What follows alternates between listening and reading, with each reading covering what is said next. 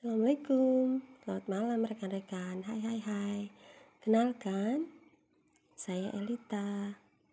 Kali ini saya coba untuk berbagi bagaimana sih kalau kita lagi lembur biar kita betah melek, kerjaan juga selesai. Mau tahu? Tunggu podcast saya selanjutnya.